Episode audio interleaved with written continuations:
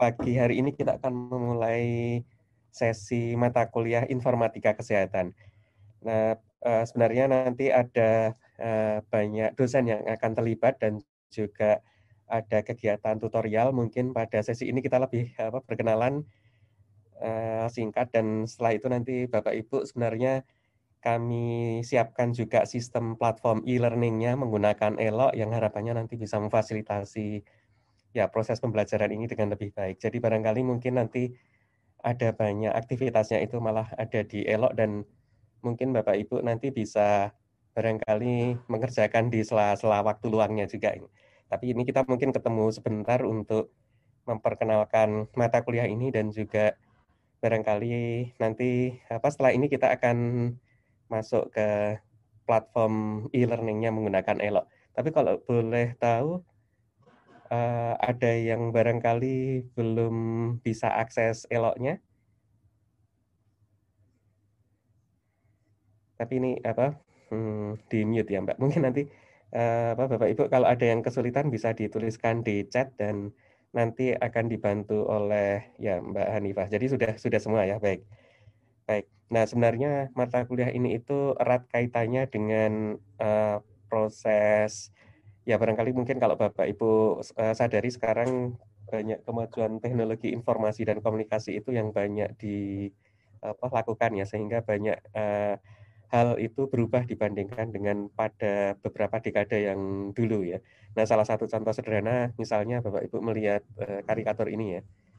Jadi pada dekade dulu itu ya saya kurang tahu Bapak Ibu ini di generasi berapa tapi uh, mungkin ada yang mengalami tapi barangkali ada juga apa generasi milenial ya. Tapi kalau pada zaman dahulu itu uh, interaksi antara ya kalau di sini kan dokter dan pasien ya, meskipun sebenarnya juga tenaga kesehatan yang lain. Jadi bisa apa bisa berbeda ya. Kalau dulu mungkin di apa-apakan itu mau atau barangkali akan selalu menerima ya, tetapi sekarang mungkin sudah berubah situasinya ya yang itu salah satunya yang ditengarai karena ada perkembangan apa teknologi informasi dan komunikasi yang berbeda sehingga ilmu kedokteran dan kesehatan yang dulunya eksklusif hanya bisa diakses oleh tenaga kesehatan itu sekarang bisa diakses oleh masyarakat juga. Dan mungkin karikatur ini eh, apa tidak hanya sekedar karikatur tapi juga terjadi di dunia nyata ya bahwa pasien itu sudah banyak mendapatkan informasi yang banyak sehingga mungkin apa interaksinya sekarang itu ya tidak lagi seperti dulu ya. Jadi eh, ya mungkin kalau di konteks ini eh, Bapak Ibu mungkin bisa lihat ini ada internet download ya. Jadi pasiennya itu sudah membawa ya banyak informasi dan sudah barangkali apa tahu dari internet sehingga Eh, terlepas apakah informasinya benar atau tidak eh, itu bisa berargumentasi dengan tenaga kesehatannya dan mungkin juga bisa menyatakan ketidaksetujuannya karena apa yang diketahui berbeda dengan yang mungkin apa akan dilakukan oleh tenaga kesehatannya.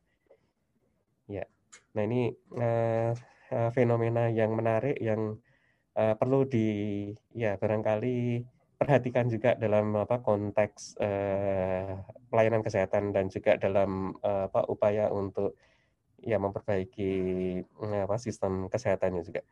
Baik, nah eh, salah satu contoh yang menarik juga eh, Bapak Ibu mungkin mengenal ini ya Mbak Joli ya.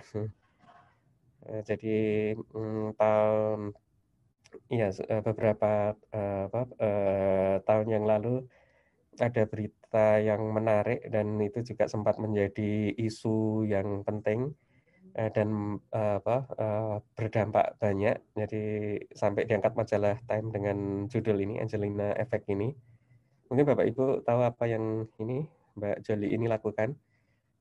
Jadi intinya beliau mengangkat kedua payudaranya ya, melakukan double mastektomi Eh, karena setelah uh, pemeriksaan genetik itu ada ya apa, apa uh, mm, mutasi gen brakawan ya yang meningkatkan resiko meskipun belum terjadi uh, apa kanker ya belum didiagnosis uh, kanker dan juga uh, kemudian beberapa uh, apa uh, bulan kemudian juga mengangkat ovariumnya. Jadi tindakan yang sangat apa, radikal ya untuk barangkali apa melakukan upaya prevensi agar tidak terkena kanker karena ada apa, informasi dari genetik apa testingnya ini. Nah ini wujud juga dari bahwa sekarang pasien itu juga banyak menentukan untuk hal seperti itu dan sekarang juga era teknologi informasi dan komunikasi itu juga sampai ke tahap untuk uh, prediksi. Ya. Nah, uh, salah satu juga yang apa menarik contohnya adalah uh, buku dari Institute of Medicine tahun 99 atau tahun ya 2000 awal yang judulnya itu To Err is Human atau salah itu manusiawi. Tapi ya mungkin Bapak Ibu pahami kalau salah di setting pelayanan kesehatan itu bisa jadi masalah besar ya. Jadi di buku ini itu diperlihatkan uh, kasus uh, medical error yang di Amerika di rumah sakit di Amerika jumlahnya itu sangat banyak ternyata 98 ribu ya sehingga ini menjadi salah satu barangkali buku yang sangat fenomenal yang terus kemudian gerakan patient safety itu juga menjadi uh, apa ya populer. Nah, tadi kalau misalnya error tadi itu sampai ke tangan wartawan dan ini tentu saja wartawan dekat dengan masyarakat itu bahasanya juga sangat menyakitkan ya. Jadi dokter apa, membunuh 2000 eh, persen lebih banyak daripada kasus-kasus yang apa penembakan. Jadi ini bahasa wartawan yang uh, barangkali sangat apa menonjok. Nah tentu saja memang mungkin yang di sini yang dicontohkan uh, apa, uh, dokter ya, tapi sebenarnya uh, kejadian medical error itu juga interaksi apa banyak uh, tenaga kesehatan ya, termasuk juga apa sistem kesehatannya sehingga kita perlu mengantisipasi hal-hal seperti ini itu agar tidak terjadi. Nah, mungkin menarik juga untuk mencermati bahwa dengan perkembangan teknologi tadi itu ada banyak profesi baru yang muncul ya, yang juga masuk di nomenklatur ini. Misalnya salah satu contoh buku apa hmm, nomenklatur tenaga kesehatan di Amerika yang terus kemudian ada medical transcriptionist, ada medical record and health information technicians. Nah, yang nomor dua ini yang sekarang juga sudah mulai banyak di Indonesia ada perekam medis dan informasi kesehatan ya, yang apa sekolah vokasi itu mereka mendidik ini. Terus kemudian ada yang medical uh, technology, ya, MTA ya, medical technology Nah, tapi yang menarik juga eh, beberapa tahun belakangan itu eh, istilah Chief Medical Information Officer itu juga eh, banyak bermunculan di banyak uni apa banyak rumah sakit rumah sakit yang apa cukup cukup um, bagus dan prestisius ya. Sehingga ini yang barangkali apa menunjukkan bahwa ternyata perubahan uh, perkembangan tadi juga merubah uh, apa profesi ya. Nah, mungkin kayak profesi dosen itu juga barangkali termasuk yang nanti akan terdampak ya. Dan mungkin Bapak Ibu sekarang ya era di mana masih kuliah seperti ini itu sudah mulai berubah juga ya, apa online yang mungkin nanti juga sudah tidak perlu lagi apa kuliah ya. Karena ya mungkin tujuan kuliahnya eh, mencari gelar ya sekarang. Ya enggak ini apa, cuman sekedar bercanda ya Bapak Ibu ya. Tapi apa sekarang sudah eh, seperti Google itu tidak lagi butuh gelar dan apa ijazah jadi butuhnya ya nah, skills. Nah ini yang barangkali memang apa uh, menarik untuk dicermati juga dan itu sebenarnya sudah mulai terjadi sekarang. Nah, uh, jadi kalau dalam konteks pelayanan kesehatan itu banyak informasi yang uh, apa menarik karena ada apa banyak upaya menggunakan teknologi informasi dan komunikasi itu untuk meningkatkan mutu pelayanan kepada pasien. Ini ada jurnal dari BMJ yang uh, spesifik mengenai quality dan safety yang ternyata juga banyak mengangkat isu penggunaan dan apa pemanfaatan teknologi informasi misalnya ada electronic uh, patient record, ada reminders, ada uh, ya decision support system yang ini nanti pada beberapa sesi mendatang itu akan kita diskusikan. Jadi sebenarnya pertemuan hari ini lebih ke untuk memperkenalkan mata kuliah ini dan nanti Bapak Ibu akan diperkenalkan ke sistem platform e-learning kita dan nanti Bapak Ibu apa bisa berinteraksi dengan dosen, bisa berdiskusi termasuk juga dengan narasumber yang nanti akan kita apa libatkan di mata kuliah ini.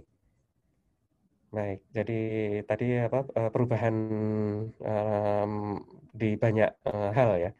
Nah, memang mungkin di Indonesia itu belum banyak buktinya, sehingga salah satu yang saya kira potensial untuk Bapak Ibu um, pikirkan juga itu kalau belum ada uh, ide tesis, itu barangkali mengangkat tesis yang terkait dengan uh, teknologi informasi di kesehatan itu menjadi salah satu yang uh, sangat kita harapkan sebenarnya dan nanti insya Allah akan kita fasilitasi agar bisa apa dilaksanakan dengan baik dan juga menghasilkan tesis yang memang bisa kontribusi untuk memberikan apa bukti bukti ya baik misalnya hasilnya positif ataupun negatif ya ternyata mungkin penerapannya bisa tidak uh, apa membuat uh, baik itu kan bisa saja terjadi ya tapi itu salah satu hal yang sebenarnya ingin kita apa harapkan Bapak Ibu memikirkan juga. Ya, baik. Nah, ini salah satu apa contoh medication error yang bisa dicegah dengan teknologi informasi. Misalnya sekarang banyak yang menerapkan electronic prescribing dan ya ini salah satu saya kira inisiatif yang sangat bagus yang bisa terus kemudian me, memperlihatkan bagaimana apa, uh, teknologi informasi dan komunikasi berperan. Ya, mungkin saya ada yang apa uh, terlewat sedikit eh, saya balik karena ini saya kira isu penting perubahan apa paradigmanya juga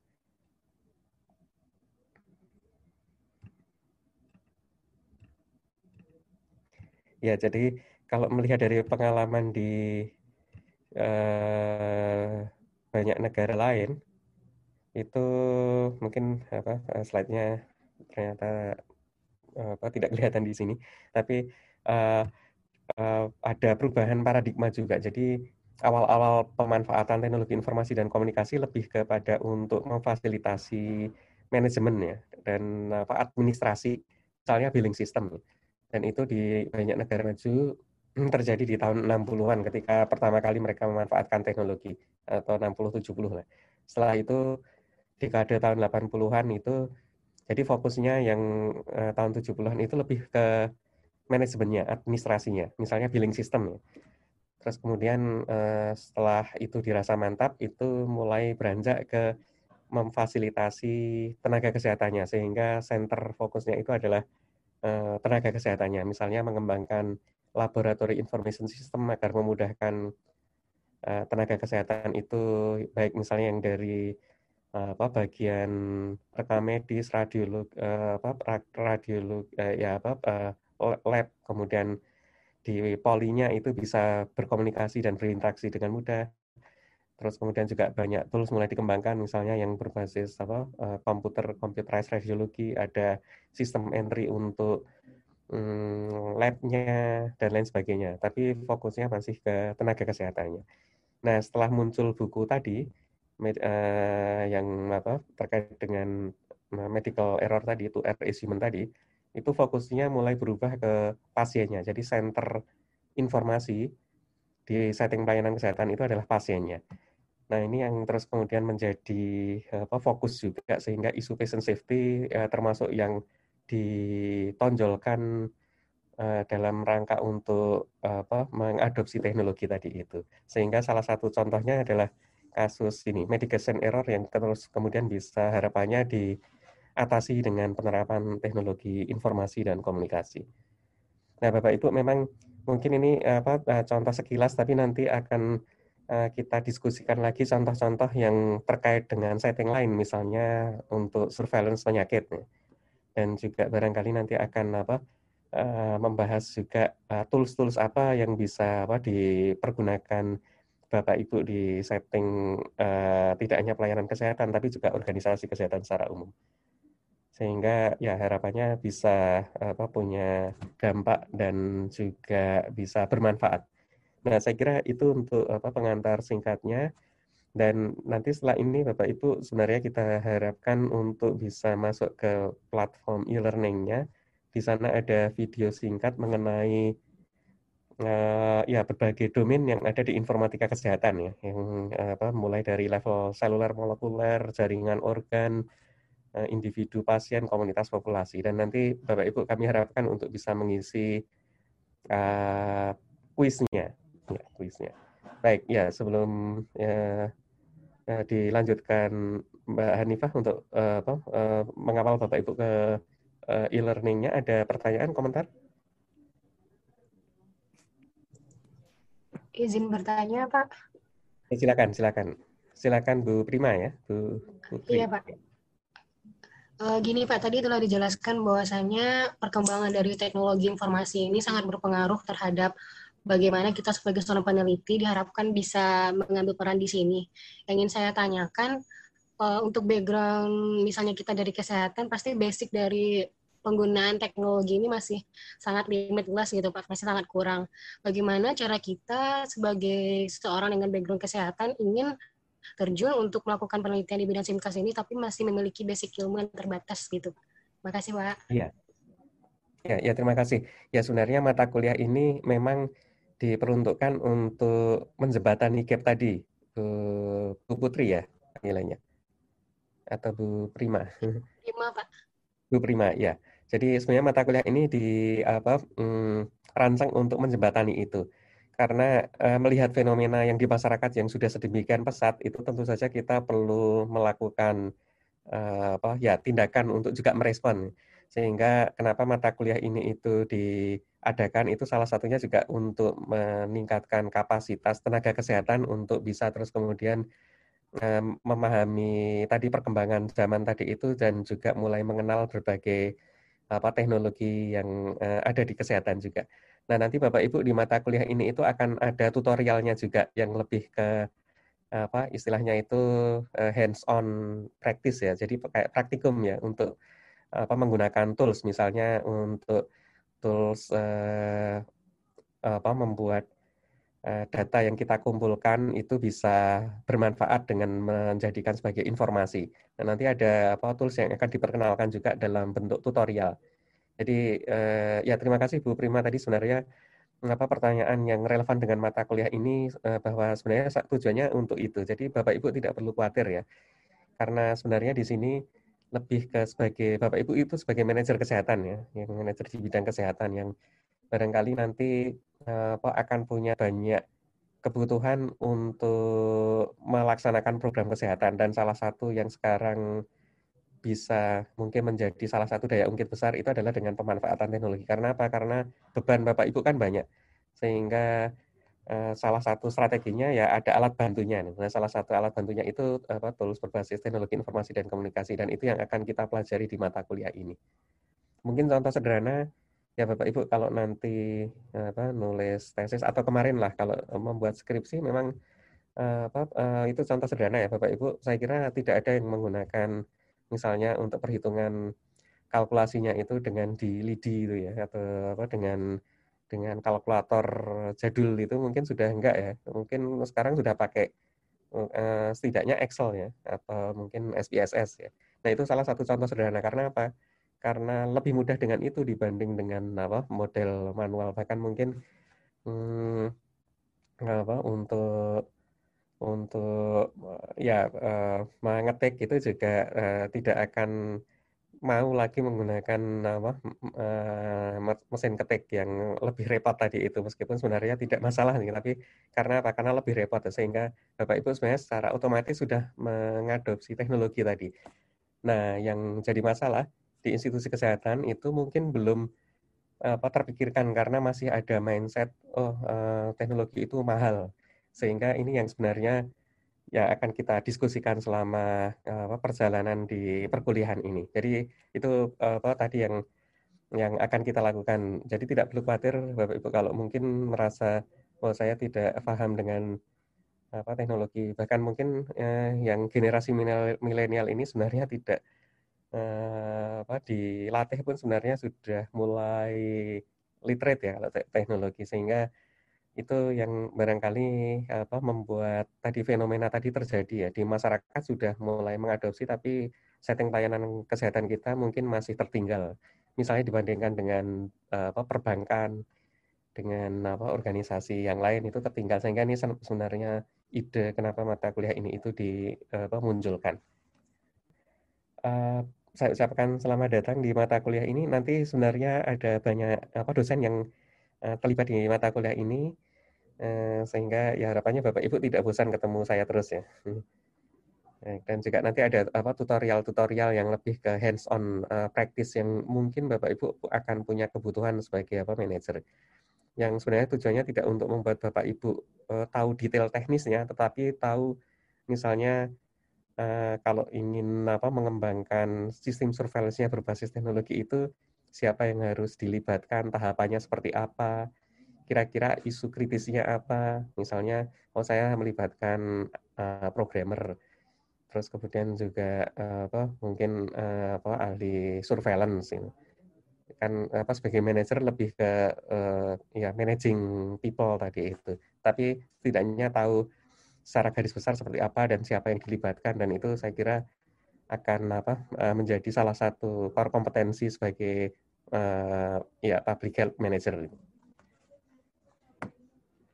baik ya kalau sudah kalau tidak ada lagi, tapi yang jelas Bapak Ibu nanti bisa me, apa, masukkan pertanyaan atau ya eh, komentar di uh, platform e-learningnya juga, sehingga nanti bisa di apa uh, kita respon. Baik, saya kira itu. Terima kasih